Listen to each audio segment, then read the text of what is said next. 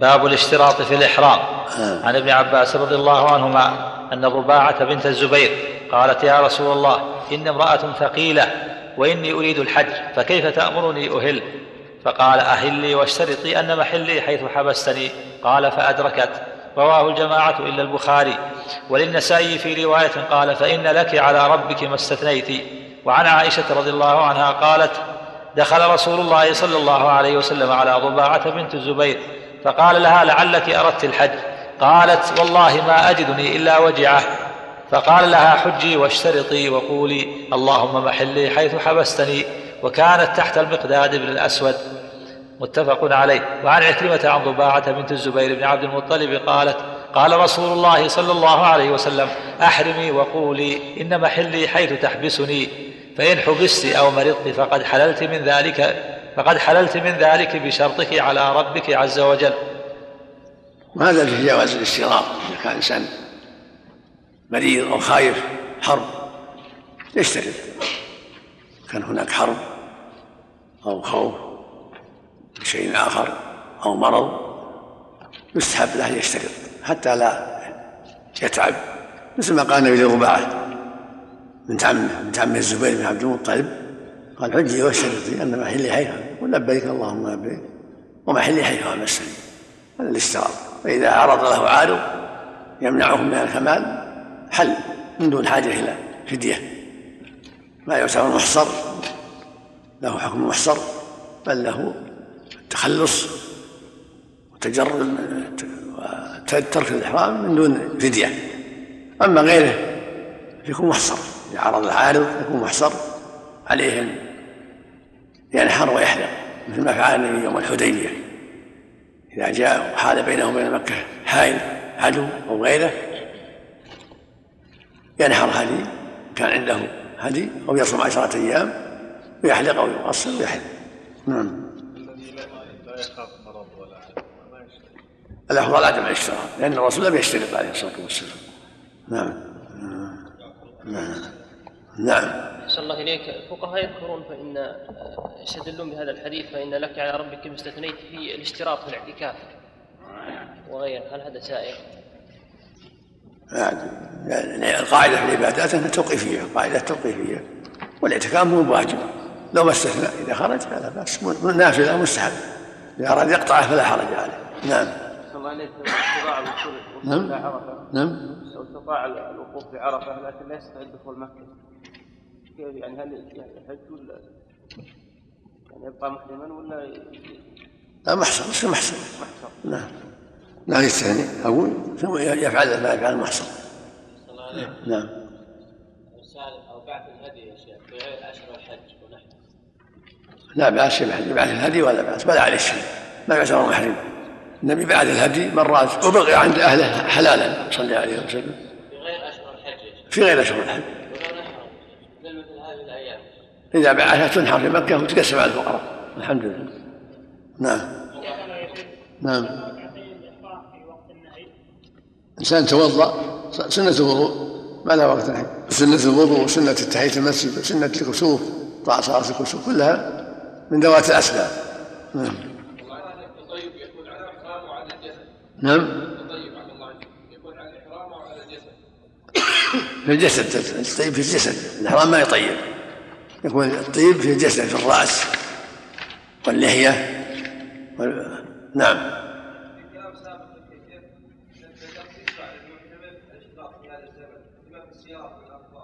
كيف؟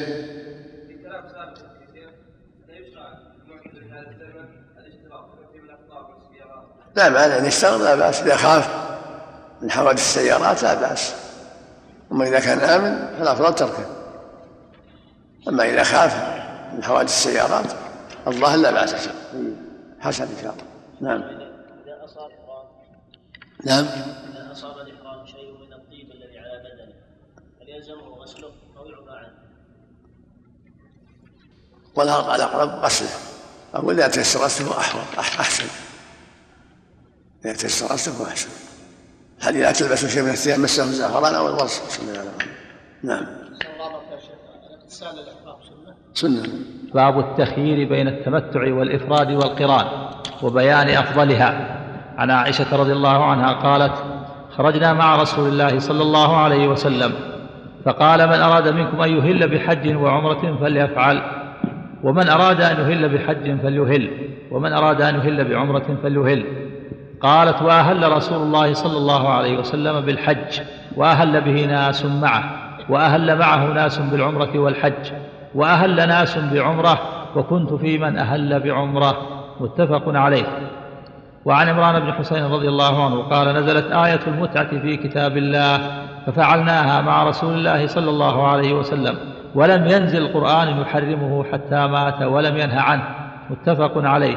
ولأحمد ومسلم نزلت آية المتعة في كتاب الله يعني متعة الحج.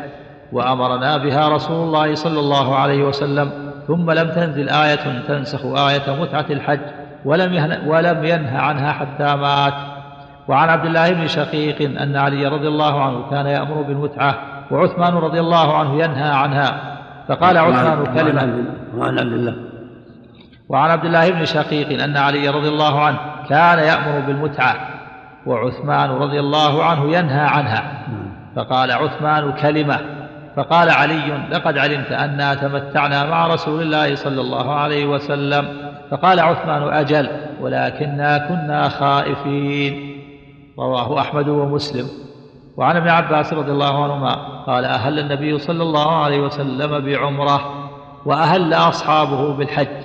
فلم يحل النبي صلى الله عليه وسلم ولا من ساق الهدي من أصحابه وحل بقيتهم. رواه أحمد ومسلم. وفي رواية قال تمتع رسول الله صلى الله عليه صلى الله عليه وسلم وأبو بكر وعمر وعثمان كذلك. وأول من نهانا عنها معاوية رواه أحمد والترمذي. وعن حفصة أم المؤمنين رضي الله عنها قالت قلت للنبي صلى الله عليه وسلم ما شأن الناس حلوا ولم تحل من عمرتك قال إني قلدت هدي ولب ولبت رأسي فلا أحل حتى أحل من الحج رواه الجماعة إلا الترمذي. وعن غنيم بن قيس المازني قال سألت سعد بن أبي وقاص رضي الله عنه عن المتعة في الحج فقال فعلناها وهذا وهذا يومئذ كافر بالعروش يعني بيوت مكة يعني معاوية رواه أحمد ومسلم. وعن الزهري عن سالم عن أبيه رضي الله عنه قال تمت قال تمتع رسول الله صلى الله عليه وسلم في حجة الوداع بالعمرة إلى الحج وأهدى فساق معه الهدي من ذي الحليفة. وبدأ رسول الله صلى الله عليه وسلم فأهل بالعمرة ثم أهل بالحج وتمتع الناس مع رسول الله صلى الله عليه وسلم بالعمرة إلى الحج فكان من الناس من أهدى فساق الهدي ومنهم من لم يهدي. فلما قدم رسول الله صلى الله عليه وسلم مكة قال للناس من كان منكم أهدى فإنه لا يحل بشيء حرم منه حتى يقضي حجه ومن لم يكن منكم أهدى فليطف بالبيت وبالصفا والمروة وليقصر وليحل ثم ليهل بالحج وليهدي فمن لم يجد هديا فصيام ثلاثة أيام في الحج وسبعة إذا رجع إلى أهله. وطاف رسول الله صلى الله عليه وسلم حين قدم مكة فاستلم الركن أول شيء ثم خب ثلاثة أشواط من السبع ومشى أربعة أطواف ثم ركع حتى قضى طوافه بالبيت عند المقام ركعتين ثم سلم وانصرف. فأتى الصفا فطاف بالصفا والمروة سبعة أشواط. ثم لم يح ثم لم يحلل من أي من شيء حرم منه حتى قضى حجه ونحر هديه يوم النحر وأفاض فطاف بالبيت ثم حل من كل شيء حرم منه وفعل مثل ما فعل رسول الله صلى الله عليه وسلم من أهدى فساق الهدي. وعن عروة عن عائشة رضي الله عنها مثل حديث سالم عن أبيه متفق عليه. وعن القاسم عن عائشة رضي الله عنها أن النبي صلى الله عليه وسلم أفرد الحج رواه الجماعة إلا البخاري. وعن نافع عن ابن عمر رضي الله عنهما قال أهلنا مع رسول الله صلى الله عليه وسلم بالحج مفردا. رواه أحمد ومسلم ولمسلم أن النبي وعن نافع عن ابن عمر رضي الله عنهما قال أهلنا مع رسول الله صلى الله عليه وسلم بالحج مفردا. رواه أحمد ومسلم ولمسلم أن النبي صلى الله عليه وسلم أهل بالحج مفردا. وعن بكر المزني عن أنس رضي الله عنه قال سمعت رسول الله صلى الله عليه وسلم يلبي بالحج والعمرة جميعا يقول لبيك عمرة وحجا. وعن بكر المزني عن أنس رضي الله عنه قال سمعت رسول الله صلى الله عليه وسلم يلبي بالحج والعمرة جميعا يقول لبيك عمرة وحجا. متفق عليه. وعن أنس أيضا رضي الله عنه قال خرجنا نصرخ بالحج. فلما قدمنا مكة أمرنا رسول الله صلى الله عليه وسلم أن نجعلها عمرة. وقال لو استقبلت من أمري ما استدبرت لجعلتها عمرة ولكن سقت الهدي وقرنت بين الحج والعمرة. رواه أحمد. وعن عمر بن الخطاب رضي الله عنه قال سمعت رسول الله صلى الله عليه وسلم وهو بوادي العقيق يقول أتاني الليلة آت من ربي. فقال صل في هذا الوادي المبارك. وقل عمرة في حجة. رواه أحمد والبخاري وابن ماجه وأبو داود وفي رواية للبخاري وقل عمرة وحجة. وعن مروان بالحكم قال شهدت عثمان وعليا وعثمان ينهى عن المتعة وأن وأن وأن يجمع بينهما. فلما رأى ذلك علي أهل بهما لبيك بعمرة وحجة. وقال ما كنت لأدع سنة النبي صلى الله عليه وسلم لقول أحد. رواه البخاري والنسائي. وعن الصبي بن معبد قال كنت رجلا نصرانيا فأسلم فأهللت بالحج والعمرة. قال فسمعني زيد بن صوحان وسلمان بن ربيعة وأنا أهل بهما. فقال لهذا أضل من بعير أهله فكأنما حمل علي بكلمتهما جبل. فقدمت على عمر بن الخطاب رضي الله عنه فأخبرته فأقبل عليهما فلامهما وأقبل علي فقال لقد هديت لسنة نبيك محمد صلى الله عليه وسلم رواه أحمد وابن ماجه والنسائي. وعن سراقة بن مالك قال سمعت النبي صلى الله عليه وسلم يقول دخلت العمرة في الحج إلى يوم القيامة. قال وقرن رسول الله صلى الله عليه وسلم في حجة الوداع رواه أحمد. وعن البراء بن عازب رضي الله عنه قال لما قدم علي من اليمن على رسول الله صلى الله عليه وسلم قال وجدت فاطمة قد لبست ثيابا صبيغا وقد نضحت البيت بنضوح فقالت فقالت ما لك؟ إن رسول الله صلى الله عليه وسلم قد أمر أصحابه فحلوا. قال قلت لها إني أهلت بإهلال رسول الله صلى الله عليه وسلم. قال فأتيت النبي صلى الله عليه وسلم. فقال لي كيف صنعت؟ قال قلت أهللت بإهلال النبي صلى الله عليه وسلم. قال فإني قد سقت الهدي وقرنت. قال فقال لي انحر لي من البدن سبعا وستين أو ستا وستين وانسك لنفسك ثلاثا وثلاثين أو أربعا وثلاثين وأمسك لي من كل بدن من كل بدنة منها بضعة. رواه أبو داود. بسم الله الرحمن الرحيم. اللهم صل وسلم على رسول هذه الأحاديث العديدة التي ساقها المؤلف رحمه الله فيما يتعلق بالإحرام بالحج والعمرة والحج مفردة وبالعمرة وحدها. يبين بذلك. ما وقع في عهده صلى الله عليه وسلم في حجة الوداع وما جرى من بعض الخلاف في عهد عثمان وبعد وبعد ذلك في عهد معاوية. والمحفوظ في هذا أنه صلى الله عليه وسلم لبى بالحج والعمرة جميعا كما في حديث ابن عمر في الصحيحين وحديث أنس أنس وحديث عمران بن حسين وغيرهم ممن روى هذه السنة. والعمر للصبي بن معبد هديت النبي صلى الله عليه وسلم وقد أحرم بهما وقد استفاضت الأحاديث عنه صلى الله عليه وسلم بأنه أحرم بهما جميعا. وهكذا جماعة من الصحابة أحرموا بالحج والعمرة جميعا. وطائفة أحرموا بالحج مفردا. وطائفة يحرم بالعمرة بالعمرة مفردة. قد خيرهم النبي صلى الله عليه وسلم في الميقات خيرهم بذلك. فمنهم من لبى بحج مفردة ومنهم من لبى بعمرة مفردة ومنهم من جمع بينهما. وهذه الأنساك الثلاثة. النبي جمع بينهما عليه الصلاة والسلام كما صحت به الأخبار عنه عليه الصلاة والسلام. وقال عمر رضي الله عنه انه سمع النبي يقول إن الله إن الله إنه اتاه ات من ربه فقد صلي في هذا الوادي المبارك يعني وادي الحليفه وقل عمرة في حجة فلبى بهما. هذا هو المحفوظ. ووقع لعائشة وابن عمر وعدد من الصحابة بعض الروايات أنه لبى بالحج. فكأنهم أرادوا بذلك أنه لبى بالحج يعني مع العمرة فلم ينقل ذلك من رواه عنه.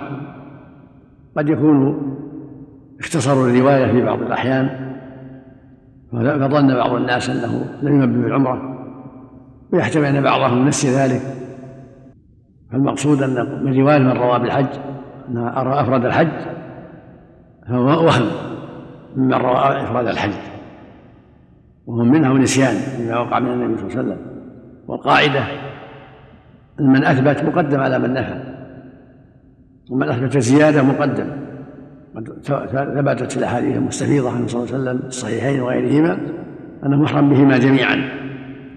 وقال لو استقبلت من أمير السدوان ما السدوان ما أهديت ولا جعلتها عمرة.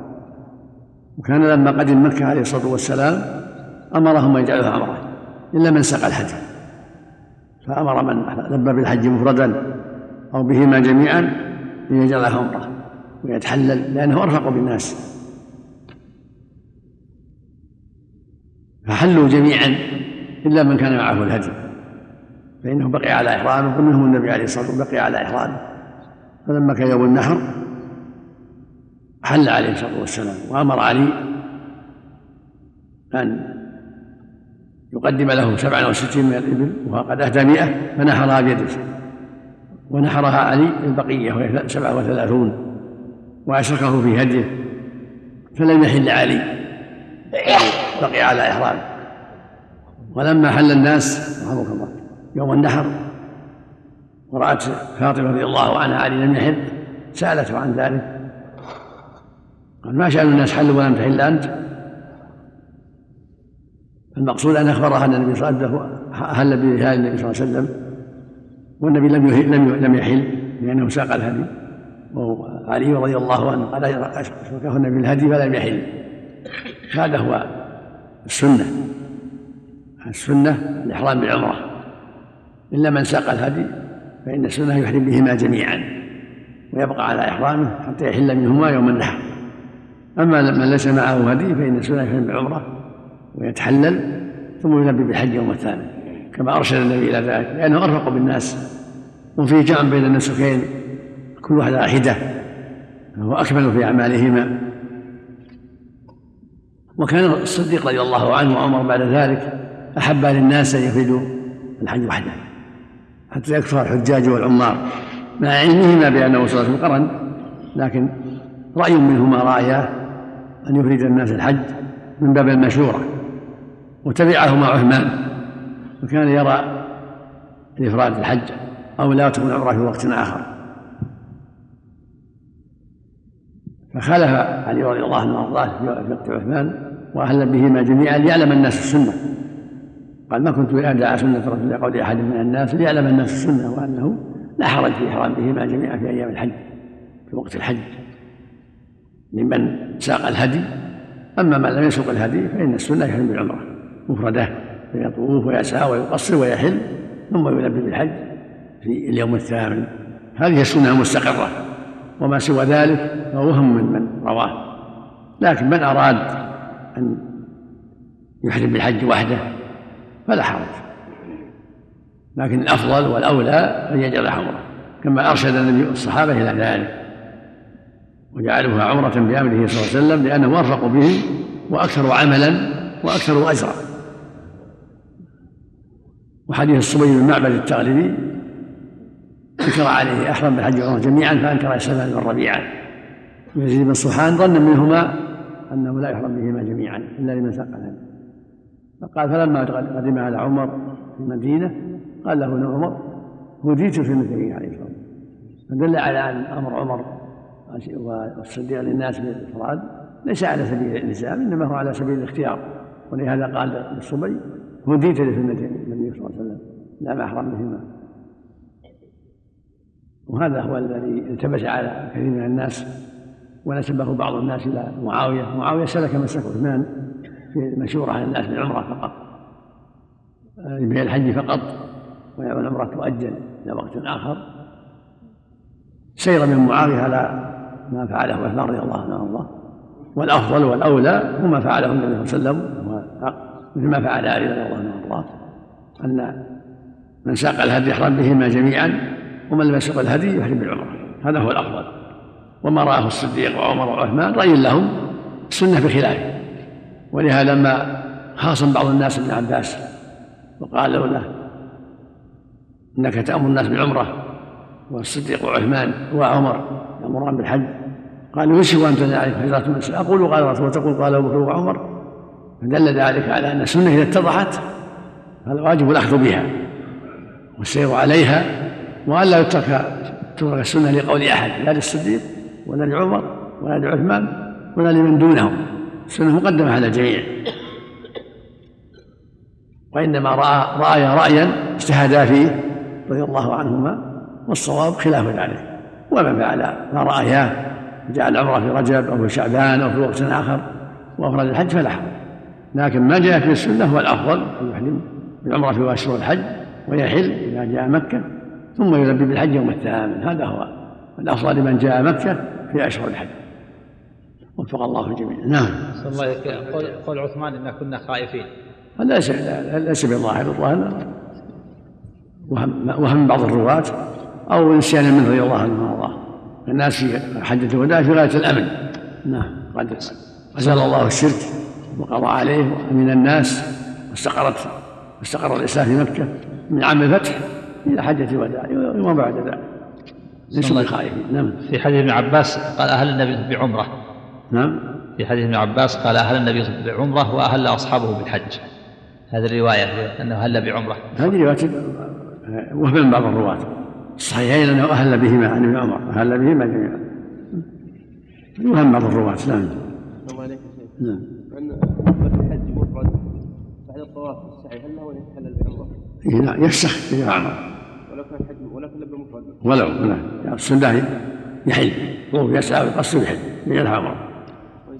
الله إليكم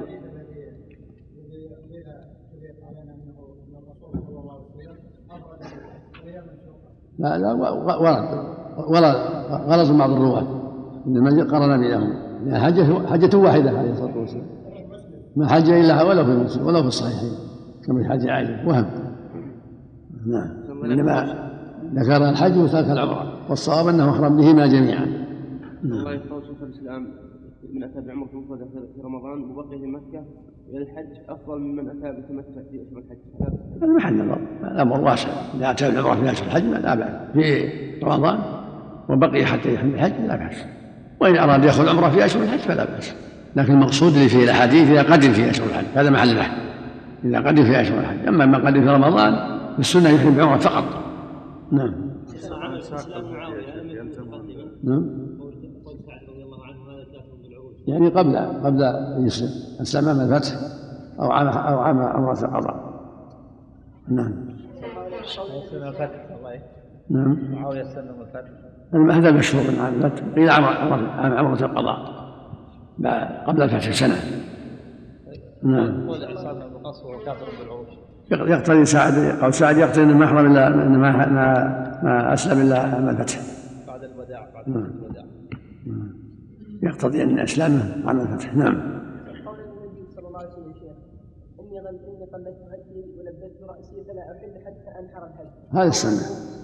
هذا السنة. من من اهدى يبقى على حتى يحل حتى يحل يوم النحر. نعم. باب إدخال الحج على العمرة. عن نافع قال أراد ابن عمر رضي الله عنه الحج عام حجة الحرورية في عهد ابن الزبير فقيل له إن الناس كائن بينهم قتال فنخاف أن يصدوك فقال لقد كان لكم في رسول الله أسوة حسنة إذا أصنع كما صنع رسول الله صلى الله عليه وسلم أشهدكم أني قد أوجبت عمرة. ثم خرج حتى إذا كان بظاهر البيداء قال ما شأن الحج والعمرة إلا واحد أشهدكم أني قد جمعت حجة مع عمرتي. وأهدى هديا مقلدا اشتراه بقديد وانطلق حتى قدم مكة فطاف بالبيت وبالصفا ولم يزد على ذلك ولم يحلل من شيء حرم منه حتى يوم النحر فحلق ونحر ورأى أن قد قضى طواف الحج والعمرة بطوافه الأول ثم قال هكذا صنع النبي صلى الله عليه وسلم متفق عليه وعن جابر رضي الله عنه أنه قال أقبلنا مهلين مع رسول الله صلى الله عليه وسلم بحج مفرد وأقبلت عائشة رضي الله عنها بعمرة حتى إذا كنا بسرف عركت حتى إذا قدمنا مكة طفنا بالكعبة والصفا والمروة. فأمرنا رسول الله صلى الله عليه وسلم أن يحل منا من لم يكن معه هدي. قال فقلنا حل ماذا؟ قال الحل كله فواقعنا النساء وتطيبنا بالطيب ولبسنا ثيابنا وليس بين وليس بيننا وبين عرفة إلا أربع ليال. ثم أهللنا يوم التروية. ثم دخل رسول الله صلى الله عليه وسلم على عائشة رضي الله عنها فوجدها تبكي فقال ما شأنك؟ قالت شأني أني قد حضت وقد حل الناس ولم أحلل ولم أطف بالبيت والناس يذهبون إلى الحج الآن. فقال إن هذا أمر كتبه الله على بنات آدم فاغتسلي ثم أهلي بالحج. ففعلت ووقفت المواقف. حتى إذا طهرت طافت بالكعبة وبالصفا والمروة ثم قال لقد حللت من حجتك وعمرتك جميعا. فقالت يا رسول الله إني أجد في نفسي أني لم أطف بالبيت حين حججت. قال فاذهب بها يا عبد الرحمن فأعمرها من التنعيم وذلك ليلة الحصبة. متفق عليه. باب من أحرم مطلقا أو قال أحرمت بما أحرم, بما أحرم به فلان. عن أنس رضي الله عنه. الحمد لله اللهم صل وسلم على رسول الله أما بعد هذان الحديثان في قصة في إحرام في إدخال الحج على العمرة المشروع أنساك ثلاثة إحرام بالحج وحده أو بالعمرة وحدها أو بهما جميعا. ويجوز أن يحرم بالعمرة ثم يدخل عليها الحج. والحديث والباب في هذا في هذا في هذه المسألة.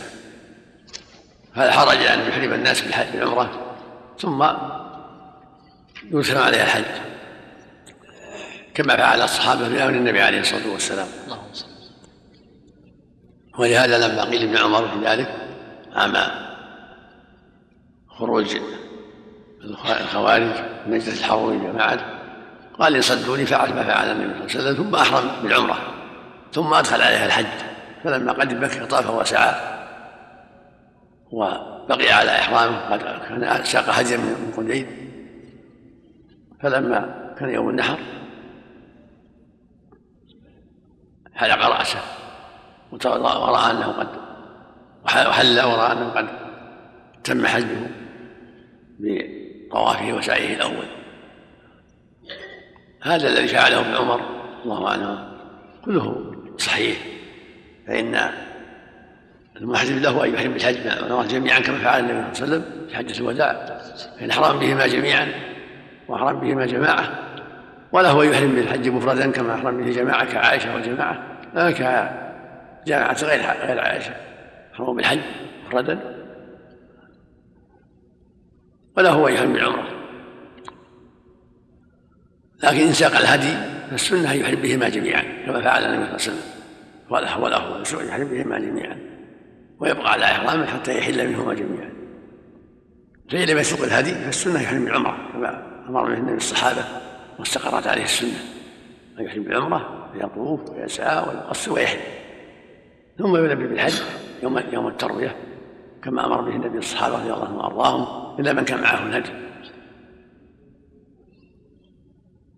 فابن عمر فعل ما فعل في أيام الحرورية وقدم مكة قارنا سائقا الهدي فطاف وسعى وبقي على إحرامه. ثم نحر في يوم النحر وتحلل حلق وتحلل ورأى أن طوافه وسعيه قد أدى عنه مناسك الحج والعمرة جميعا. وظاهر هذا أنه لم يطف بعد بعد يوم النحر. وهذا وهم منه رضي الله عنه ونسيان. فالنبي صلى الله عليه وسلم طاف يوم النحر. ولم يكتفي بطواف القدوم بل طاف طواف البعض يوم النحر. وهذا هو حل الحق طواف يوم طواف الحج لابد يكون يوم النحر. أو بعده. فإن لم يكن في الحديث اختصار من فعل ابن عمر وإلا فظاهره أنه لم يطف يوم النحر. والصواب أنه لا بد من طواف يوم النحر في حق الحجاج جميعا قارنهم ومفيدهم ومن أدخل الحج عمره كلهم عليهم أن يطوفوا بالحج بعد النحر ليلة النحر أو بعد أو في يوم النحر أو بعده كما فعله الرسول صلى الله عليه وسلم وفعله الصحابة فإنهم طافوا يوم النحر طاف النبي يوم النحر قد طاف طواف القدوم وهو قائل عليه الصلاة والسلام وهكذا الحائض إذا قدمت وهي قد أحرمت بالعمرة أو أو نفساء تلبي بالحج وتكون قارنة كما أمر النبي عائشة فلبت بالحج وحجت مع الناس قارنة وقال لها النبي صلى الله عليه وسلم البيت وبين الصلاة يكفيك الحج وعمرتك جميعا لأنها صارت أخيرا قارنة فعلم بذلك أنه لا بأس بالقرآن وإن كان إحرام بالحج تأخر. لكنها قالت رضي الله عنها أنها تجد في نفسها أنها لم تطف حين قدمت. فأمرها النبي صلى الله عليه وسلم عبد الرحمن أخاها أي عمرة من التنعيم فاعتبرت بعد الحج عمرة مستقلة. ليلة الحصبة ليلة 14 وفي صباحها خرج النبي المدينة قافلا عليه الصلاة والسلام. فهذا يدل على أن النفساء والحائض إذا قدمتا محرمتين بالعمرة أنهما يلبيان بالحج. ويدخلانها على العمرة وتكون قارنة. فتطوف وتسعى بعد الحج ويكفيها ذلك لحجها وعمرتها. نعم. قوله أحسن إني أجد في نفسي أني لم أطف بالبيت مع أنها طافت. لأن ضراتها طوف طواف العمرة. وحللنا منها ثم لبينا بالحج فأحبت أن يكون لها عمرة مفردة مثل ما حصل لضرائرها. نعم. يعني طواف طواف لعمرة مستقلة يعني. نعم. سمع قول قول حديث الأول حديث ابن عمر ما يحمل على أن المراد الطواف بالصفا والمروة كما في حديث عائشة السابق ورأى أن قد طواف طواف الحج والعمرة بطواف الأول يعني طواف بالصفا والمروة. ويزول ورأى ورأى ورأى. ورأى أن قد أن قد قضى طواف الحج والعمرة بطوافه الأول. يحمل على على السعي كان أسلم من ظن ظني أنه نسي أو يكون جمع بين النصوص وأقرب وأن المراد بالطواف الأول يعني طواف بين الصلاة والمروة. نعم. مثل ما سبق عن عائشة نعم. نعم. لا بالحج مفرد وأراد عمره بعد الحج يأتي باب التنعيم ولا من؟ من التنعيم مثل ما فعلت عائشة من التنعيم يكفي يعني من الحج نعم. والنبي صلى الله عليه وسلم أمر من لم يسق الهدي بالإحلال ولم يأذن الا لعائشة. ما يدل على وجوب من لم يسق الوجوب يعني أن من لم يسق الهدي أن يحل إلا من عذر مثل عذر عائشة. هذا قول بعض أهل العلم والمشهور أنها للسنية. مشهور عند العلماء انها للسنية. نعم. مشهور أنها للسنية. ابن القيم رحمه الله يميل إلى الوجوب. لظاهر الأوامر. شيء تقي الدين يقول إنه وجب على الصحابة سنه في حق غيرهم. ولكن الجمهور على أنه مستحب للجميع. من حج قارنا وساق الهدي ولم يسوق الهدي السنة له أن يحل. قد يستدل لهم بحديث عروة بن مضرس فانه حج ولم يأمره النبي صلى الله عليه وسلم بأن يتحلل. لكنه إنما سأل النبي صلى الله عليه وسلم ليلة عرفة. فليس في حجة ظاهره المقصود أن القول بوجوب الفسخ قول قوي. لظاهر الأوامر. نعم وهو واليه يمين ابن القيم رحمه الله مطلقا. وهو المشهور عن ابن عباس. قال من من حج هذا البيت وطاف وسعى فقد حج. ساعة يعني اذا لم يسوق الحج نعم. صلى الله عليك وجه تقييد شيخ الإسلام للصحابه نعم. وجه تقييد شيخ الإسلام للصحابه الصحابه بالخصوص ليس بظاهر الأول ليس بظاهر حديث لأن الرسول باشرهم بالأمر لكن أمره لهم أمر لغيرهم. حديث سراقه كلام ابن القيم في هذا أقوى من كلام شيخ الإسلام. قول بالوجوب أقوى أقوى في الأدلة. حديث سراقه أحسنك بل لأبد أبد. نعم. حديث سراقه بل لأبد أبد. نعم. عام. عام جميع. نعم. ويستدل الجمهور بفعل الصديق وعمر وعثمان كانوا لكن ما عندهم أستاذ يأمون ويحجون بالحج ولا يحلون. إلا بعد ذلك. وكان علي رضي الله عنه وأرضاه وابن عباس يحث الناس على العمرة. والصديق وعمر وعثمان رأوا أن يقدم بحج حتى يكون العمرة لها وقت آخر حتى يكثر الزوار للبيت والعمار والحجاج من باب الاجتهاد. نعم. لكن أحسن الله ما ذكر توجيه الشيخ الإسلام اللي نعم. ما ذكر توجيه لما اختار ما ما أتذكر شيء واضح. نعم. هذا ليس بشيء لا. عامة النبي قال لأبد الأبد غلط قول أبي ذر. نعم. أفضل أفضل. أفضل ولو في الثامن. ولو في الثامن يحل ثم يحرم بالحج الحمد لله. ما هنا هنا شيء نعم. ولو في أول اليوم التاسع. نعم. ولو في أول يوم التاسع. ولا معنى. ولا معنى في اليوم التاسع. عرفة نعم. نعم. الله عمل إذا لم يتمكن المتمتع من الإحلال. هل يكفيه النية ويدخل الحج مباشرة؟ لم يحل يعني إحرامه تطيب. لأن الأمر ضاق عليه. الأمر واسع. أن تطيبه سنة وإن لم يتطيب الحمد لله. نعم. نعم.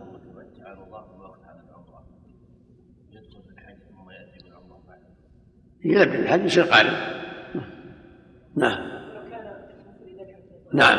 باب من أحرم مطلقا أو قال أحرمت بما أحرم به فلان. عن أنس رضي الله عنه قال قدم علي قال قدم علي على النبي صلى الله عليه وسلم من اليمن. فقال بما أهللت يا علي؟ قال أهللت بإهلال كإهلال النبي صلى الله عليه وسلم. قال لولا أن معي الهدي لاحللت متفق عليه. ورواه النسائي من حديث جابر رضي الله عنه. وقال فقال لعلي بما أهللت؟ قال قلت اللهم إني أهل بما أهل به رسول الله صلى الله عليه وسلم. وعن أبي موسى رضي الله عنه قال قدمت على النبي صلى الله عليه وسلم وهو منيخ بالبطحاء. فقال بما أهللت؟ قال قلت أهللت بإهلال النبي صلى الله عليه وسلم. قال سقت من هدي. قلت لا. قال فطف بالبيت وبالصفا والمروة ثم حل. فطفت بالبيت وبالصفا والمروة. ثم أتيت امرأة من قومي فمشطتني وغسلت رأسي متفق عليه وفي لفظ فقال كيف قلت حين أحرمت؟ قال قلت لبيك بإهلال كإهلال النبي صلى الله عليه وسلم وذكره أخرجاه. وهذا يدل على جواز الإحلال بما أهل به فلان. ولا حرج يقول عند الإحرام أهللت بما أهل به فلان كما فعل علي وأبو موسى. فإن كان معه الهدي بقي على إحرامه. وإن كان ليس معه هدي حل كما فعل أبو موسى بعمد النبي عليه السلام. كان علي معه الهدي فلهذا بقي على إحرامه كما بقي النبي على إحرامه. وإن لم يكن معه هدي حل كما حل أبو موسى. يكون عمرة. فإذا فإذا اتضح أن صاحبه أهل بحج فإنه يفسخه إلى العمرة كما فعل أمر النبي الصحابة نعم. باب التلبية وصفتها وأحكامها. عن ابن عمر رضي الله عنهما أن النبي صلى الله عليه وسلم كان إذا استوت به راحلته قائمة عند مسجد ذي الحليفة أهل. فقال لبيك اللهم لبيك لبيك لا شريك لك لبيك إن الحمد والنعمة لك والملك لا شريك لك. وكان عبد الله يزيد مع هذا لبيك لبيك وسعديك والخير بيديك والرغباء إليك والعمل. متفق عليه. وعن جابر رضي الله عنه قال أهل رسول الله صلى الله عليه وسلم فذكر التلبية مثل حديث ابن عمر رضي الله عنهما. قال والناس يريدون يزيدون ذا المعارج ونحوه من الكلام. والنبي صلى الله عليه وسلم يسمع فلا يقول لهم شيئا. رواه أحمد وأبو داود ومسلم بمعناه. وعن أبي هريرة رضي الله عنه أن النبي صلى الله عليه وسلم قال في تلبيته لبيك إله الحق لبيك. رواه أحمد وابن ماجه والنسائي. وعن السائب بن خلاد قال قال رسول الله صلى الله عليه وسلم أتاني جبريل فأمرني أن أمر أصحابي أن يرفعوا أصوات أن يرفعوا صوتهم بالإهلال والتلبية. رواه الخمسة وصححه الترمذي. وفي رواية أن جبريل أتى النبي صلى الله عليه وسلم فقال كن عجاجا ثجاجا والعج التلبية والثج نحو البدن. رواه أحمد. وعن خزيمة بن ثابت رضي الله عنه عن النبي صلى الله عليه وسلم أنه أنه كان إذا فرغ من تلبيته سأل الله عز وجل رضوانه والجنة. والسعادة برحمته من النار. رواه الشافعي والدار قطني. وعن القاسم بن محمد قال كان يستحب للرجل إذا فرغ من تلبيته أن يصلي على النبي صلى الله عليه وسلم. رواه الدار قطني. وعن وعن وعن القاسم بن محمد. قال كان يستحب للرجل إذا فرغ من تلبيته أن يصلي على النبي صلى الله عليه وسلم. رواه الدار قطني. وعن الفضل بن العباس قال رضي الله عنهما قال كنت رديف النبي صلى الله عليه وسلم من جمع إلى منى فلم يزل يلبي حتى رمى جمرة العقبة. رواه الجماعة. وعن عطاء ابن عباس رضي الله عنهما قال يرفع الحديث إنه كان يمسك عن التلبية في العمرة إذا استلم الحجر. رواه الترمذي وصححه. وعن ابن عباس رضي الله عنهما عن النبي صلى الله عليه وسلم قال يلبي المعتمر حتى يستلم الحجر. رواه أبو داود. وهذه الأحاديث كلها تتعلق بالتلبية وهي سنة التلبية وألفاظ التلبية ومحلها. سنة التلبية أن حين يحرم يلبي حين يحرم يلبي في الحج إلى أن يشرع في نواة العقبة ومن جمرة العقبة ويلبي يلبي في الطريق وفي عرفة في مزدلفة وفي الطريق حتى يرمي جمرة العقبة كما فعله النبي صلى الله عليه وسلم. وفي العمرة يلبي حتى يشرع في الطواف. فإذا شرع في الطواف قطع التلبية واشتغل بالأذكار أذكار الطواف والسعي. والسنة للحاج والمعتبر أن يبدأ حين تقوم في الدابة. كان كان النبي صلى الله عليه وسلم كان إذا استقلت به دابته لبى. هذا هو الأفضل. أما حديث ما يروى عن ابن عباس أنه لبى بعدما صلى. ولبى أيضا. قبل أن يركب راحلته بعد ما ركب راحلته ولبى لهم حين استوت بها البيداء هو ضعيف لأن من طريق حسيف الجزري. والصواب ثابت في الصحيح الصحيحين وغيرهما أنه كان يلبي إذا استقلت به راحلته إذا صلى فريضة أو سنة الوضوء صلى يركب ثم يلبي. يلبس ثيابه ملابس الإحرام ويتأهب ويتطيب ويصلي ركعتين إذا تيسر ذلك فكان فريضة كما أخبر النبي بعد فريضة في حديث الوداع بعد الظهر أو توضأ ويصلي ركعتين الوضوء. الحديث أن الله أنها أتى من ربي فقال صلي في هذا الوالد وقل عمرة بحجه فصلى ولبى عليه الصلاة والسلام. فالسنة أن يستعد ويتأهب في لباس إزاره ورداءه وطيبه وصلاته إذا تيسر فريضة أو نافلة ثم يلبي. بعد الركوب بعد ركوب الدابة وقيامها. استقلت في دابته يلبي الله لبيك عمرة أو لبيك حجة أو عمرة وحجة على حسب نسكه ثم يقول لبيك اللهم يأتي بالتلبية الشرعية. لبيك اللهم لبيك لبيك لا شريك لك لبيك. إن الحمد والنعمة لك والملك لا شريك لك. ويستمر في التلبية هكذا في الطريق. وإن سبح وهلل في أثنائها لا بأس. وإن دعا كما في حديث إن كان إذا فرد سأل رضوانه الجنة وسأل من النار وإن كان حديث ضعيف لكن لا حرج. إذا دعا في أثناء التلبية لا بأس. أن يدعو ويسبح ويهلل كان النبي صلى الله عليه وسلم يسمع الناس يلبون لبيك ذا المعارف لبيك حقا حقا تعبدا ورقا إلى غيره يسمع ولا ينكر عليهم ولا ينكر هل على أنس. كان يهل من المهل فلا ينكر عليه مكبر المكبر فلا ينكر عليه وفي طريقه إلى عرفات.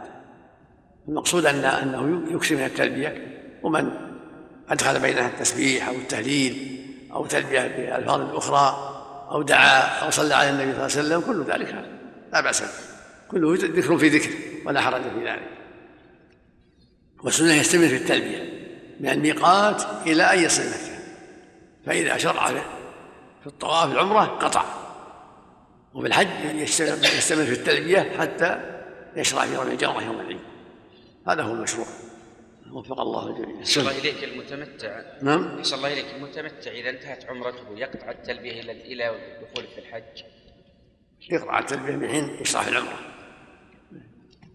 فإذا لبى بالحج بعد ذلك شرع في التلبية. أما القارن فيستمر حتى حتى حتى يحل من حل من حج. أحسن الله. حتى يرمي يعني يشرع رمي الجمرة الله عنك من أخطأ. وتطيب بعد أن صلى في الميقات ركعتين. ونوى. وله له يطيب حتى يحل حتى يركب دابته ويحل يأجل الإحرام حتى يركب. تطيب بعد أن صلى ونوى. نوى الدخول في النسك؟ نعم. إذا كان ناسي معلش أو جاهل معلش نعم ناسيا وجاهل. لا عيش الله يا شيخ التلبية يرفع صوته ولكن الدعاء والصلاة على النبي برضه يرفع صوته كلها السنة رفع الصوت. حتى يسمع الناس حتى يذكر الناس. يستفيدوا نعم. نعم. باب ما جاء في فسخ الحج إلى العمرة. عن جابر رضي الله عنه قال أهللنا بالحج مع رسول الله صلى الله عليه وسلم. فلما قدمنا مكة امرنا, أمرنا أن نحل ونجعلها عمرة. فكبر ذلك علينا وضاقت به صدورنا. فقال يا أيها الناس أحلوا فلولا الهدي معي فعلت كما فعلتم. قال فأحللنا. حتى وطئنا النساء وفعلنا كما يفعل الحلال. حتى إذا كان يوم التروية وجعلنا مكة بظهر أهللنا بالحج. متفق عليه.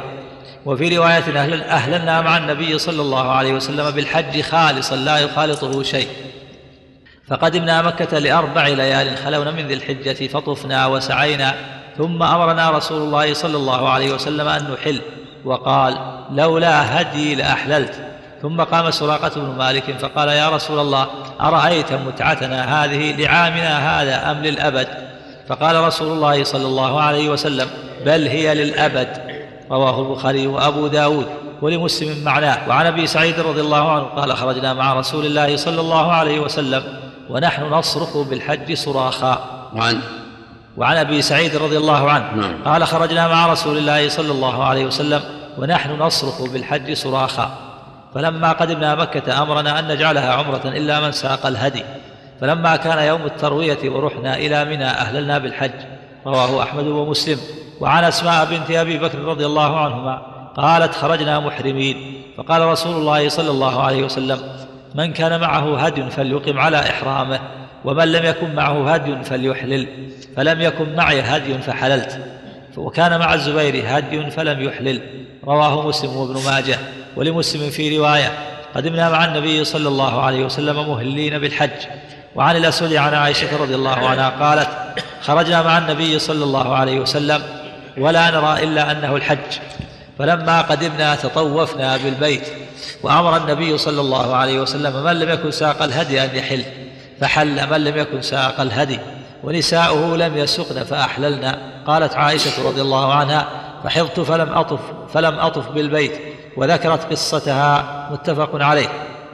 وعن ابن عباس رضي الله عنهما قال كانوا يرون العمرة في أشهر الحج من أفجر الفجور في الأرض ويجعلون المحرم صفر ويقولون إذا برأ الدبر وعفى الأثر وانسلخ صفر حلت العمرة لمن اعتمر. فقدم النبي صلى الله عليه وسلم وأصحابه صبيحة رابعة مهلين بالحج فأمرهم أن يجعلوها عمرة فتعاظم ذلك عندهم. فقالوا يا رسول الله أي الحل؟ قال حل كله متفق عليه. وعنه رضي الله عنه قال قال رسول الله صلى الله عليه وآله وسلم هذه عمرة استمتعنا بها فمن لم يكن عنده هادي فليحلل الحل كله فإن العمرة قد دخلت في الحج إلى يوم القيامة. رواه أحمد ومسلم وأبو داود. وعنه أيضا أنه سئل عن متعة الحج فقال أهل, المحاجر أهل المهاجرون والأنصار وأزواج النبي صلى الله عليه وسلم في حجة الوداع وأهللنا. فلما قدمنا مكة قال رسول الله صلى الله عليه وسلم اجعلوا إهلالكم بالحج عمرة إلا من قلد الهدي. فطفنا بالبيت وبالصفا والمروة وأتينا النساء ولبسنا الثياب. وقال من قلد الهدي فإنه لا يحل له حتى يبلغ الهدي محله. ثم أمرنا عشية التروية أن نهل بالحج. وإذا فرغنا من المناسك جئنا فطفنا بالبيت وبالصفا والمروة فقد تم حجنا وعلينا الهدي كما قال الله تعالى فما استيسر من الهدي فمن لم يجد فصيام ثلاثة أيام في الحج وسبعة إذا رجعتم إلى أمصاركم. رواه البخاري. وعن أنس رضي الله عنه أن النبي صلى الله عليه وسلم بات بذي الحليفة حتى أصبح ثم أهل بحج وعمرة وأهل الناس بهما فلما قدمنا أمرنا فلما قدمنا أمر الناس فحلوا حتى كان يوم التروية أهلوا بالحج. قال ونحر النبي صلى الله عليه وسلم سبع بدنات بيده قياما وذبح بالمدينة كبشين أملحين. رواه أحمد. قال ونحر النبي صلى الله عليه وسلم سبع بدنات بيده. عن من عن من؟ عن أنس. عن أنس؟ نعم. عن أنس رضي الله عنه أن النبي صلى الله عليه وسلم بات بذي الحليفة حتى أصبح ثم أهل بحج وعمرة. وأهل الناس بهما. فلما قدمنا أمر أمر الناس فحلوا حتى كان يوم التروية اهلوا بالحج. قال ونحر النبي صلى الله عليه وسلم سبع بدنات بيده قياما وذبح بالمدينة كبشين أملحين. رواه أحمد والبخاري وأبو داود. وعن ابن عمر رضي الله عنهما قال قدم رسول الله صلى الله عليه وسلم مكة وأصحابه مهلين بالحج. عندك بالمدينة ولا بالمدية؟ بالمدينة. وذبح بالمدينة كبشين أملحين قبلها بكلمة. نحر, نحر سبعة. ونحر النبي صلى الله عليه وسلم سبع بدنات بيده قياما. وذبح بالمدينة كبشين أملحين رواه أحمد والبخاري وأبو داود. نعم الله أنها بالمدية بالسكين يعني. هو بالمدينة بعدما رجع من حج الوداع الابن نحرها نحرا. أو في الابن نحرها. وهو ضحى عادة كبشين يضحي بكبشين إيه؟ في منى بالمدية ذبحها بالمدية مو بالنحر. هو مقصود في سنة أخرى بالمدينة لا لا مراد هالسنة حجة الوداع يخبر عن حجة الوداع. يعني سبع بدنات إما أنها زايدة على المئة ولا من جملة 63 الذي نحرها بيده وأمر علي يذبح البقية 37 نعم. وعن ابن عمر رضي الله عنهما قال قدم رسول الله صلى الله عليه وسلم مكة وأصحابه مهلين بالحج. فقال رسول الله صلى الله عليه وسلم من شاء أن يجعلها عمرة إلا من كان معه الهدي. قالوا يا رسول الله أيروح أحدنا إلى منى وذكره يقطر منيا قال نعم وسطعت المجامر. رواه أحمد. وعن الربيع بن سبرة عن أبيه قال خرجنا مع رسول الله صلى الله عليه وسلم حتى إذا كنا بعسفان. قال له سراقة بن مالك المدرجي يا رسول الله اقض لنا قضاء قوم كأنما ولدوا اليوم. فقال إن الله عز وجل قد أدخل عليكم في حجكم عمرة فإذا قدمتم فمن تطوف بالبيت وبين الصفا والمروة فقد حل إلا من كان معه هدي. رواه أبو داود. وعن البراء بن عازب رضي الله عنه قال خرج رسول الله صلى الله عليه وسلم وأصحابه. قال فأحرمنا بالحج فلما قدمنا مكة قال اجعلوا حجكم عمرة. قال فقال الناس يا رسول الله قد أحرمنا بالحج كيف نجعلها عمرة؟ قال انظروا ما آمركم به فافعلوا. فردوا عليه القول فغضب ثم انطلق حتى دخل على عائشة وهو غضبان. فرأت الغضب في وجهه فقالت من أغضبك؟ أغضبه الله. فقال وما لي لا أغضب وأنا آمر بالأمر فلا أتبع. رواه أحمد وابن ماجه. وعن ربيعة بن أبي عبد الرحمن عن الحارث بن بلال عن أبيه قال قلت يا رسول الله فسخ الحج لنا خاصة أم للناس عامة. قال بل لنا خاصة. وعن ربيعة. وعن ربيعة بن أبي عبد الرحمن عن الحارث بن بلال عن أبيه قال قلت يا رسول الله فسخ الحج لنا خاصة أم للناس عامة. قال بل قال بل لنا خاصة. رواه الخمسة إلا الترمذي وهو بلال بن الحارث المزني. وعن سليم بن أسود أن أبا ذر رضي الله عنه كان يقول في من حج ثم فسخها بعمرة لم يكن ذلك إلا للركب الذين كانوا مع رسول الله صلى الله عليه وسلم. رواه أبو داود ولمسلم والنسائي وابن ماجه. عن إبراهيم التيمي عن أبيه عن أبي ذر رضي الله عنه. قال كانت المتعة في الحج لأصحاب رسول الله صلى الله عليه وسلم خاصة. وعن ولمسلم والنسائي وابن ماجة عن إبراهيم التيمي عن أبيه عن أبي ذر رضي الله عنه قال كانت المتعة في الحج لأصحاب رسول الله صلى الله عليه وسلم خاصة. قال أحمد بن حنبل حديث بلال بن الحارث عندي ليس بثابت ولا أقول به ولا يعرف هذا الرجل يعني الحارث بن بلال. وقال أرأيت لو عرف الحارث بن بلال إلا أن أحد عشر رجلا من أصحاب من أصحاب النبي صلى الله عليه وآله وسلم يرون ما يروون من الفسخ. أين يقع الحارث بن بلال منهم؟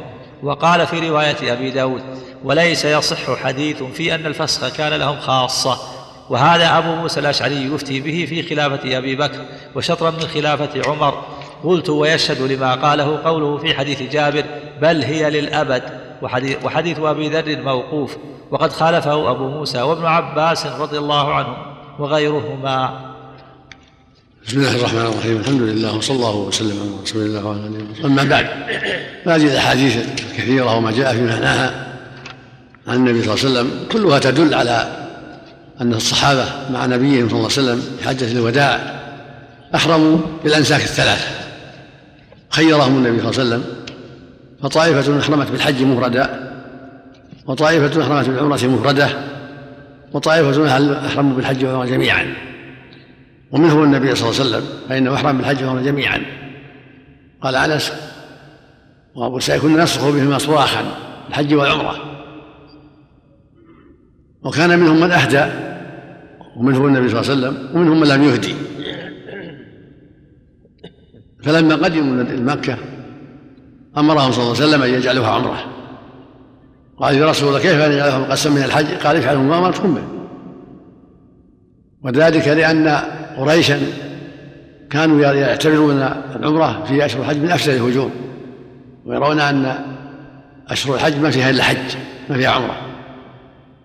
فأراد أن يخالفهم وأن يبطل هذه العادة التي ساروا عليها واعتقدوها. فأمر النبي صلى الله عليه وسلم أن يجعلوها عمرة حتى يشتهر ذلك وهذا في آخر حياته في حجة الوداع. قد أدى العمرة أيضا في أشهر الحج في عمرة القضاء. وفي عمرة الحديبية وفي عمرة الجعرانة كلها في القعدة خلافا للجاهلية وما كانوا يعتقدون من أنها من أفضل الهجور فأبطل ذلك بأفعاله صلى الله عليه وسلم وبقوله في حجة الوداع اجعلوها عمرة. فقصروا وحلوا وجعلوا عمرة وسمعوا وأطاعوا إلا من كان معه الهدي. وقال لولا أن معي الهدي لأحللت. قال لو استقبلت من النبي مسجد ما أهديت ولا جعلتها عمرة. فعلم بهذه الأحاديث الصحيحة الكثيرة أن السنة لمن قدم مكة وليس معه هدي أن يجعلها عمرة. إذا كان في أشهر الحج شوال أو ذي القعدة أو بالعشر الأول من ذي الحجة يجعلها عمرة. يطوف ويسعى ويقصر ويحل. ثم يلبي بالحج يوم الثامن كما فعل الصحابة بأمره صلى الله عليه وسلم. لبوا بالحج يوم الثامن. وهذا هو السنة إلا من كان معه الهدي من إبل أو بقر أو غنم هذا يبقى على إحرامه ولو ذبيحة واحدة. ولو إذا ساقها من الحل ولو ذبيحة واحدة يبقى على إحرامه قال سراقة يا رسول الله الإعام من هذا أم الأبد؟ قال بل للأبد. لازم بل لأبد الأبد. فدل ذلك على أن هذا سنة مستمرة شريعة مستمرة. وأما حديث الحارث بن ذلك فهو ضعيف لأن هذا لا يحتج به. وقول أبي ذر أنها خاصة قولا اجتهاد منه ورأي منه. وليست خاصة بأصحاب النبي صلى الله عليه وسلم بل قال فيها النبي لأبد الأبد.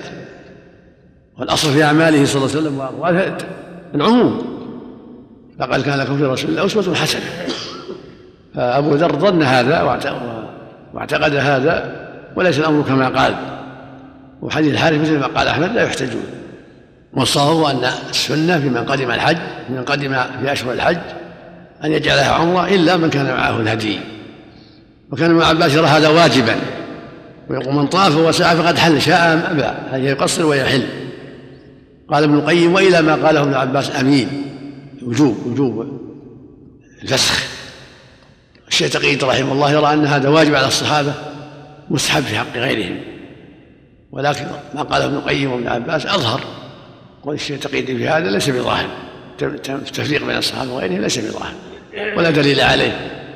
وإنما الصواب ما قاله ابن عباس وما رآه وما مل إليه ابن القيم رحمه الله في أن ظاهر أمره صلى الله عليه وسلم وما أكد به على أصحابه الوجوب حتى تستقر هذه السنة وذهب الجمهور إلى أنها مستحبة وقال بعضهم أنها خاصة بأصحاب النبي صلى الله عليه وسلم وأرجح الأقوال أنها ليست بخاصة بل هي عامة للأمة كلها كما قال أحمد رحمه الله والجمهور وحديث الحال لا يحتج به. حديث قول أبي ذر رأي خاص.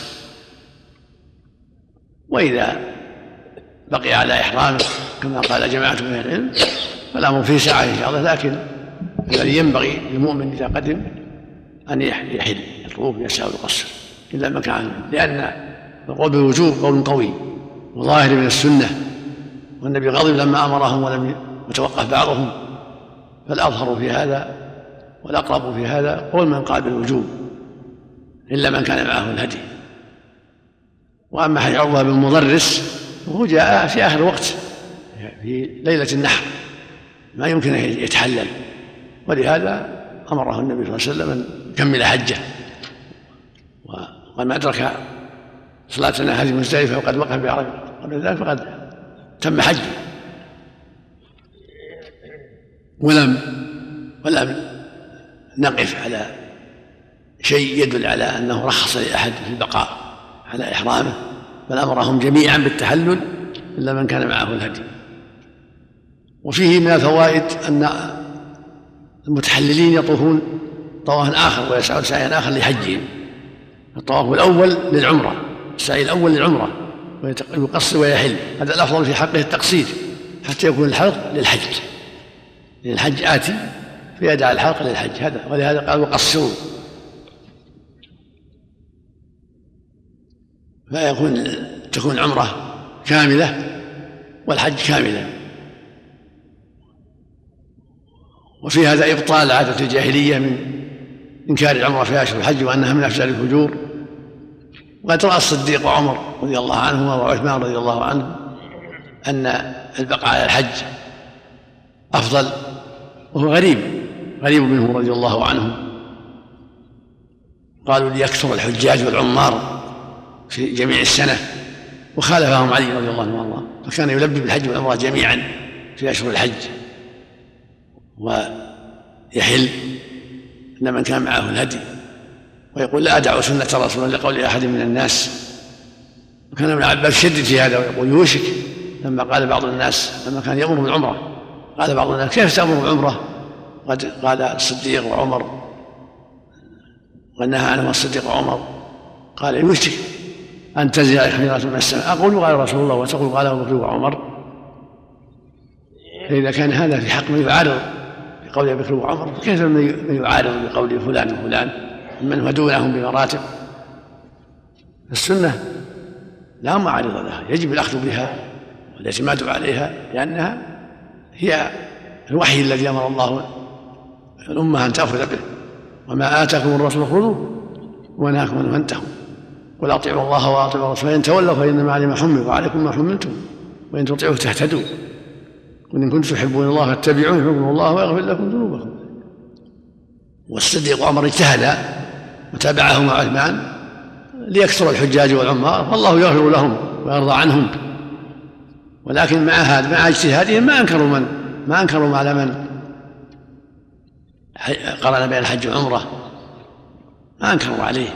فإن الصبي بن معبد التغلبي لما أحرم بالحج والعمره وأنكر عليه سلمان بن ربيعة ويزيد بن صوحان قدم المدينة وأتى عمر.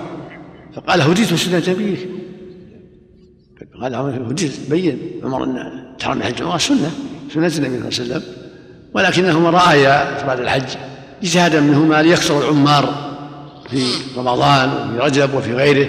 من بقية السنة حتى يكون تكون مكة والحرم مطلوقين في جميع السنة.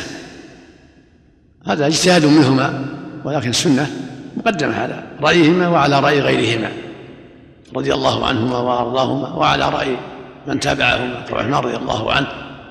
فهم رضي الله عنه اجتهدوا ولهم أجرهم في اجتهادهم ولكن السنة مع من؟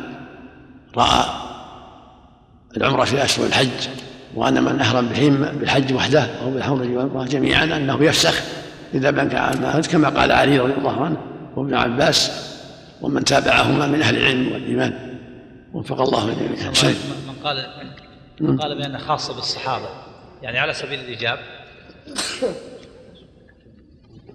كان والله كان قص بذر هذا.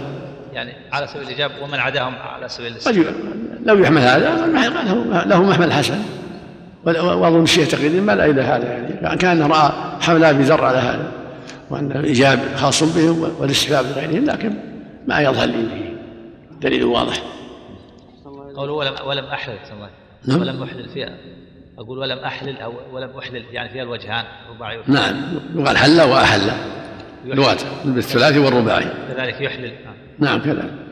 انه خاص بنا ما يكون هذا يقال له تشريع ما يقال مثل الراي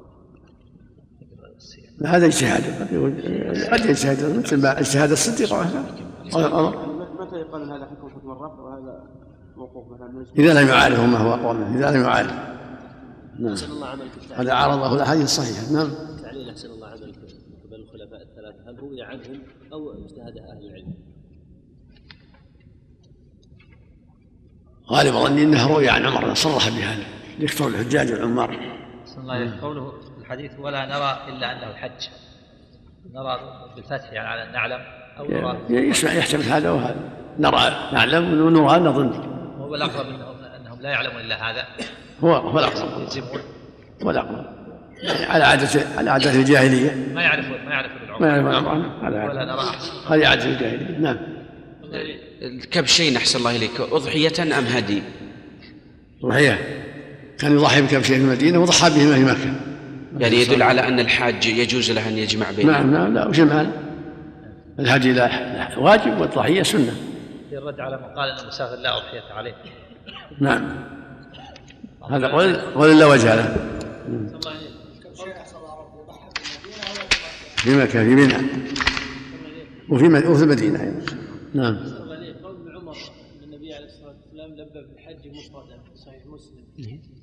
في هذا قالت عائشة وجماعة غلط. خشي, عليهم أو نسوا. ثم خشي عليهم حماية العمرة أو نسوا. صرح صرحت الأحاديث الصحيحة أنه لبى بهما جميعا في الصحيحين. من حديث ابن عمر ومن حديث أنس وغيرهما الأحاديث ثابتة كثيرة أنه قرن بينهما صلى الله عليه وسلم نعم. صلى الله عليك بالنسبة للأضحية إذا كان أهله في الرياض وهو لحج وحده يضحي في مكة أم في الرياض؟ أحسن مخير. إن شاء الله هذا مكة وإن شاء الله. لكن عند عند أهله يكون قد يكون عند أهله أولى لأنه أحوج إليها. الناس في منى في منى عندهم لحم كثير. هنا في بلاده. عند أهله أقرب وأولى. أبواب ما يجتنبه المحرم وما يباح له. باب ما يجتنبه من اللباس. عن ابن عمر رضي الله عنهما قال سئل رسول الله صلى الله عليه وسلم ما يلبس المحرم؟ قال لا يلبس المحرم القميص ولا العمامة ولا البرنس ولا السراويل ولا ثوبا مسه ورس ولا زعفران ولا الخفين إلا أن لا يجد نعلين فليقطعهما حتى يكون أسفل من الكعبين. رواه الجماعة. وفي رواية لأحمد قال سمعت رسول الله صلى الله عليه وسلم يقول على هذا المنبر وذكر معناه.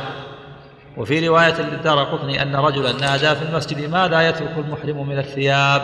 وعن ابن عمر رضي الله عنهما أن النبي صلى الله عليه وسلم قال لا تنتقب المرأة المحرمة ولا تلبس القفازين رواه أحمد والبخاري والنسائي والترمذي وصححه.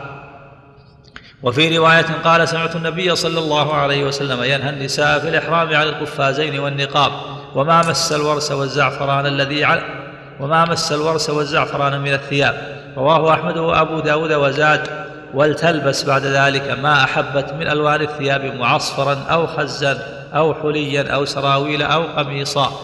وعن جابر رضي الله عنه قال قال رسول الله صلى الله عليه وسلم من لم يجد نعلين فليلبس خفين ومن لم يجد إزارا فليلبس سراويل. رواه أحمد ومسلم. وعن ابن عباس رضي الله عنهما قال سمعت النبي صلى الله عليه وسلم يخطب بعرفات من لم يجد إزارا فليلبس سراويل ومن لم يجد نعلين فليلبس خفين متفق عليه. وفي رواية عن عمرو بن دينار أن أبا الشعثاء أخبره عن ابن عباس رضي الله عنهما أنه سمع النبي صلى الله عليه وسلم وهو يخطب يقول من لم يجد إزارا ووجد سراويل فليلبسها ومن لم يجد نعلين ووجد خفين فليلبسهما. قلت ولم يقل ليقطعهما؟ قال لا.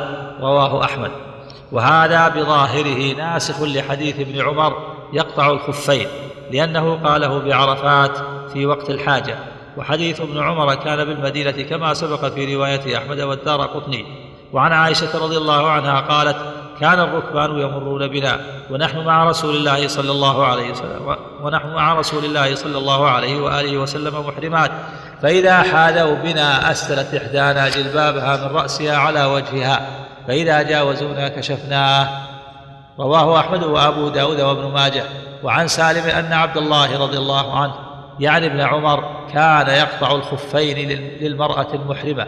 ثم حدثت ثم حدثته حديث صفية بنت أبي عبيد أن عائشة رضي الله عنها حدثتها أن رسول الله صلى الله عليه وسلم كان قد رخص للنساء في الخفين فترك ذلك.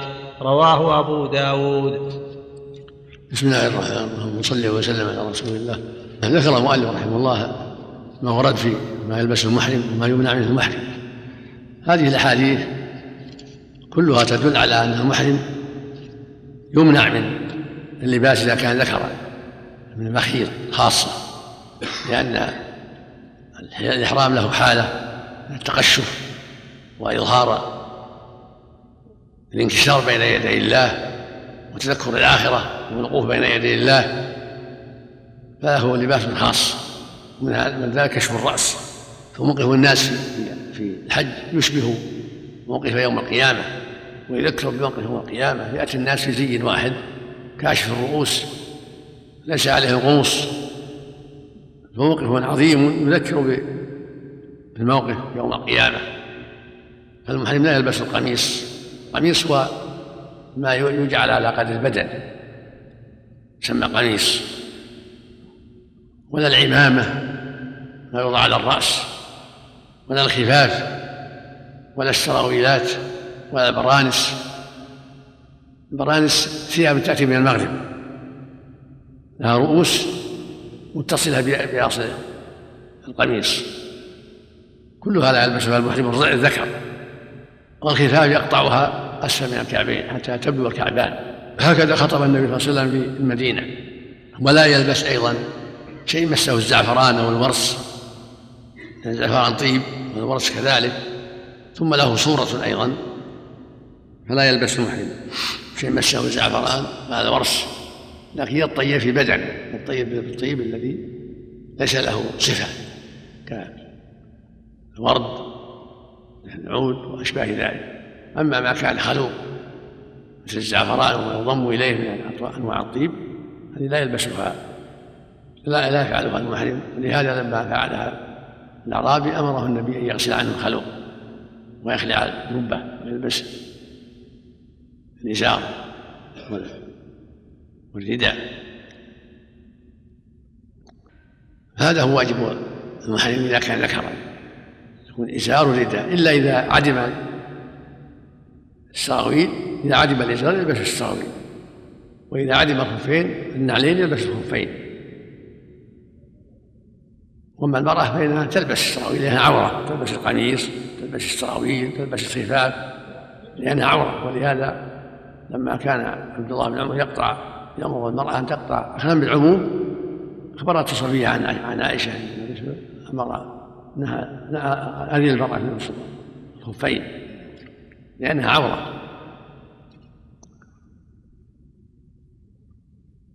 واختلف العلماء في القصر القطع هل هو منسوخ أو محكم. ذهب قوم إلى أنه محكم وأنه يقطع إذا لم يجد نعلا قطع الخفين وذهب آخرون إلى أنه منسوخ لأنه صلى لما خطب الناس في عرفات لم يأمرهم بالقطع. وعرفات هي المجمع العظيم الذي لم يحضروا المدينة ولم يحضروا خطبة المدينة. فدل ذلك على أن القطع إما منذ فقط وإما منسوخ. والأقرب النسخ لأن لو كان واجبا مشروعا لبينه لأهل الموقف في عرفات. ولأنه هي نوع لإفساد نوع, نوع إفساد الخف ومن كمال الشريعة الإصلاح وعدم إفساد المال. هذا هو معروف من الشريعة. فالقطع فيه شيء من إفساد الخف. قد يخرب قد يتأثر. من رحمة الله أن نسخ ذلك. كما نسخ عنها الأمة الآثار والأغلال وجعل شريعة محمد شريعة فيها الرخاء والتيسير والتسهيل رحمة منه لعباده سبحانه وتعالى. وفيه من الفوائد أن المحرم إذا لم يجد الإزار يلبس السراويل. وليس في قطع السراويل بل يلبسها على حالها. وهذا ما يؤيد أن قطع الخف منسوخ حتى حتى يكون الخف. والسراويل بدلين للإزار والنعلين على حالهما نعم. نسأل الله قال بالاستحباب لأن القطع بالاستحباب يلزم عليه. الإفساد على هذا على قول بالاستحباب. يلزم عليه إفساد الخف إذا قول بالاستحباب يغتفر يعني في جنب المصلحة عندهم يغتفر هذا قطع يغتفر لمسألة قليلة. نعم. نعم. إذا إذا عدم النعل. إذا لم يجد نعلا نعم. نعم. لا النعل أولى. أولى من المقطوع؟ والمقطوع جائز لكن النعل هي الأصل. والمقطوع مثل النعل. إذا كان خف قصير تحت الكعبين هو مثل النعل. نعم.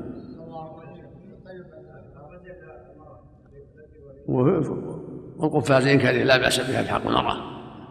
في حق المرأة في غير الإحرام. أما في الإحرام لا لا تلبس قفازين ولا تنتقل والنقاب هو أن تلبس شيئا على وجهها ينقب. ينقب فيه العينين أو لا إحداهما. المرأة في حال الإحرام تنهى عن ذلك ولكن تغطي وجهها بغير ذلك كما ذكرت عائشة. كان إذا دنا منهم الركبان سد سدت المرأة جلبابها على وجهها وهكذا جاء عن أسماء بنت أبي بكر أخت عائشة أيضا. هذا يقوم مقام النقاب.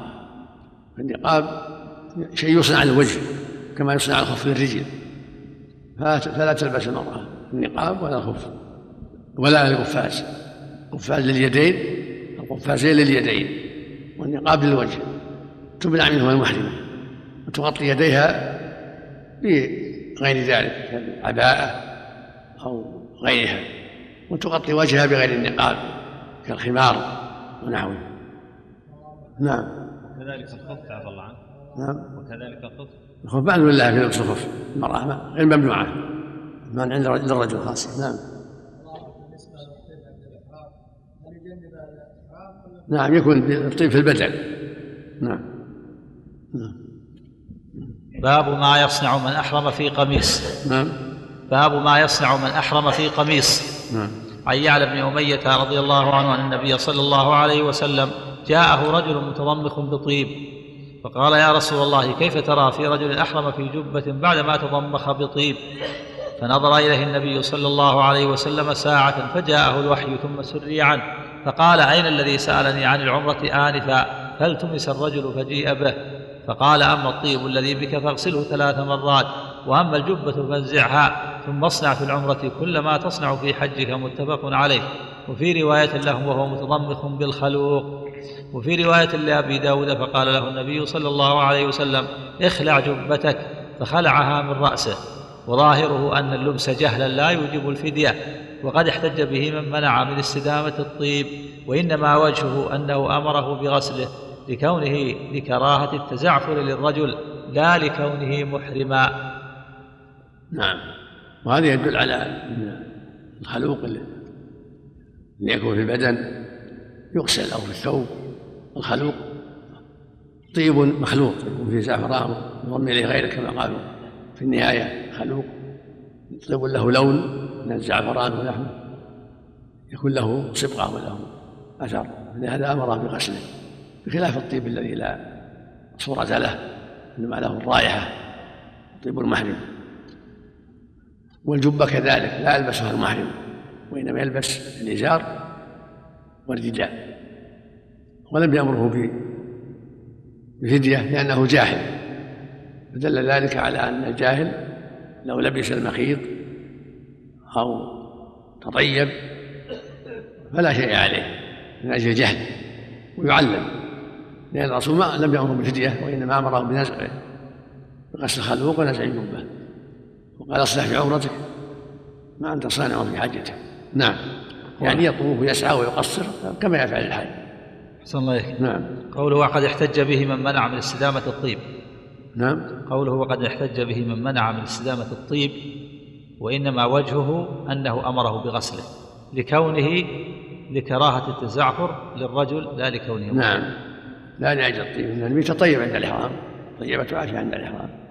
هو لم يمنع يمنع أمره بغسل الخلوق لأجل الطيب بل لأن له صورة لأن له صفة. الخلوق شيء يعمل من أنواع الطيب له صورة زعفران يضم إليه غيره. بخلاف الطيب الذي لا. طيبة من عائشة طيبة من المسك. وهكذا مثل الورد ومثل مثل العود وأشباهها لا لا صورة له ولا يضم إليه شيء. نعم. لكن احتجاج من منع يكون في البدن. يكون في البدن لا في الثياب. أحسن الله عليك احتجاج من من احتج به من منع استدامة الطيب.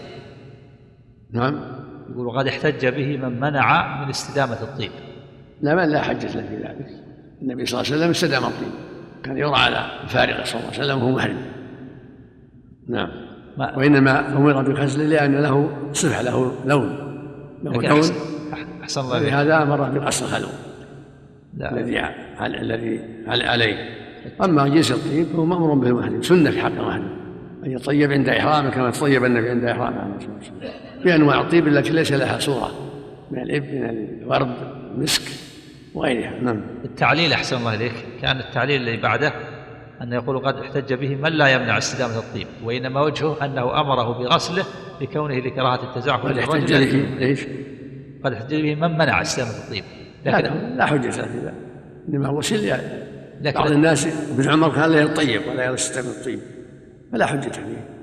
المحرم يطيب ويستديم الطيب. لا بأس كما فعله النبي صلى الله عليه وسلم. لكن العلة. الحديث هذا لا حجة فيه لأنه إنما أمر بغسله لأنه خلوق له لون وله صورة فلهذا أمر بإزالته ما يكون أحسن الله لك التعليل آه، قوله إنما وجهه يؤيد أنه أن المراد وقد احتج به من لا يمنع استدامة الطيب. نعم. نعم. نعم. ما يضر. ما شيء. من عرف مكانه. له لون أزاله وكان ما عرف مكانه الحمد لله. لكن إذا قال لا تلبس شيء مسه الزعفران أو المرش شيء له له لون. نعم.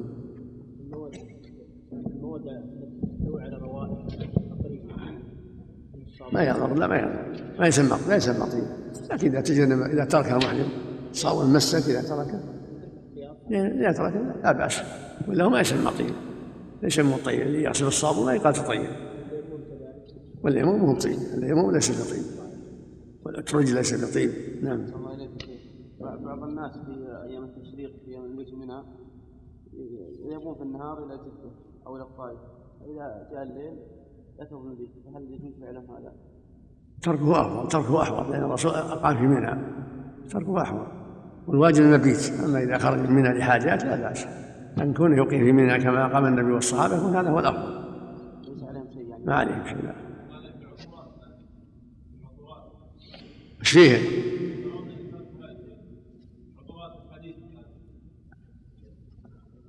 الطين مطلوب يا الطين مطلوب بجميع أنواع الطين إلا إذا عرف نوع منها يسكر ما اسكر كثير فقليل حرام مثل الكالونيا مسكره لا يستعمل فيها. فيها ما, ما يحصل به في فيجتنبها وهكذا لو وجد طيب آخر فيه مسكر فيه ما يسكر يمنع. أما الطيب السليم فالسنة تطيب مشروع كان يحب الطيب عليه الصلاة والسلام وكان طيب. مشروع للمؤمن التطيب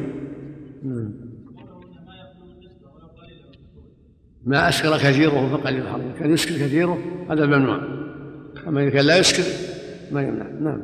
باب باب تظلل المحرم من الحر أو غيره والنهي عن تغطية الرأس. عن أم الحسين رضي الله عنها قالت حججنا مع رسول الله صلى الله عليه وسلم حجة الوداع فرأيت أسامة وبلالا وأحدهما آخذ بخطام ناقة النبي صلى الله عليه وسلم والآخر رافع ثوبه يستره من الحر حتى رمى جمرة العقبة. وفي رواية حججنا مع النبي صلى الله عليه وسلم حجة الوداع فرأيته حين رمى جمرة العقبة وانصرف وهو على راحلته ومعه بلال وأسامة. أحدهما يقود به راحلته والآخر رافع ثوبه على رأس النبي صلى الله عليه وسلم يظله من الشمس. رواهما أحمد ومسلم. وعن ابن عباس رضي الله عنهما أن رجلا أوقصت راحلته وهو محرم فمات. فقال رسول الله صلى الله عليه وسلم اغسلوه بماء وسدر. وكفنوه في ثوبيه ولا تخمروا وجهه ولا رأسه فإنه يبعث يوم القيامة ملبيا. رواه أحمد ومسلم والنسائي وابن ماجه. بسم الله الرحمن الرحيم. اللهم صل وسلم على رسول الله. ذكر المؤلف هنا رحمه الله أحاديث رمي النبي صلى الله عليه وسلم الجمرة قد أضله أحد بلال بن الثوب أو أسامة وحديث الذي وقصته راحلته. هذا يدل على أنه لا حرج في أن يستظل الإنسان وهو محرم بالشجر أو بالخيمة أو بالشمسية التي ترفع على الرأس كالثوب. إنما الممنوع أن يضع على على رأسه شيء يلاصق الرأس كالطاقية والعمامة. أما شيء مرفوع كالخيمة والشجرة والشمسية فلا حرج في ذلك. بين الشمسية مثل الثوب. وفيها أنه جاء في الروايات وأنه وقع بين الجمرات يسأل يسأله الناس عن أحكام دينه. هذا يقول رميت قبل أن نحرت قبل أن أطوف هذا حرج. هذا يقول لا. أفضت قبل أن أرمي قال لا حرج. هذا يقول حلقت قبل أن أذبح قال لا حرج. ثم قال فما سئل عن شيء عن شيء قدم إلا قال كما يأتي إن شاء الله. وفي حديث ابن عباس أن رجلا وقصته راحلته. فقال النبي صلى الله عليه وسلم أغسله بماء وسد وكفنه في ثوبيه ولا تحنطوه ولا تخمر رأسه ولا وجهه. هذا يدل على أن إذا مات في الإحرام قبل أن يحل فإنه يدفن فإنه يكفن في ثوبيه يعني إزاره وردائه ولا يخمر رأسه ولا يلبس القميص. فإنه بقي على احرامه ولهذا قال فانه يبعث يوم القيامة ملبيا يعني محرما ولا يطيب. معنى قال ولا تحنطوه؟ يعني الطيب ولا تخمر رأسه ولا وجهه. هكذا في صحيح مسلم. والحديث اصله متفق عليه بلفظ لا تخمر رأسه. زاد مسلم ولا وجهه. هذا يدل على أنه بقي على إحرامه وأنه لا يطيب ولا يخمر رأسه ولا وجهه ولا ولا يلبس القميص بل يكفن في ثوبيه يعني في زاره ورداءه ويغسل بالماء والسدر. هكذا هذا حكم من مات قبل التحلل الأول. نعم. هذا دليل على ما يقضى عنه ما نعم. يكمل هذا دليل على أنه ما يكمل عنه الحج. ولا يكمل عنه. دليل على أنه لا يكمل عنه حجه تام ولهذا لم يأمر النبي صلى الله عليه وسلم يكمل عنه. صلى الله عليه وسلم نعم.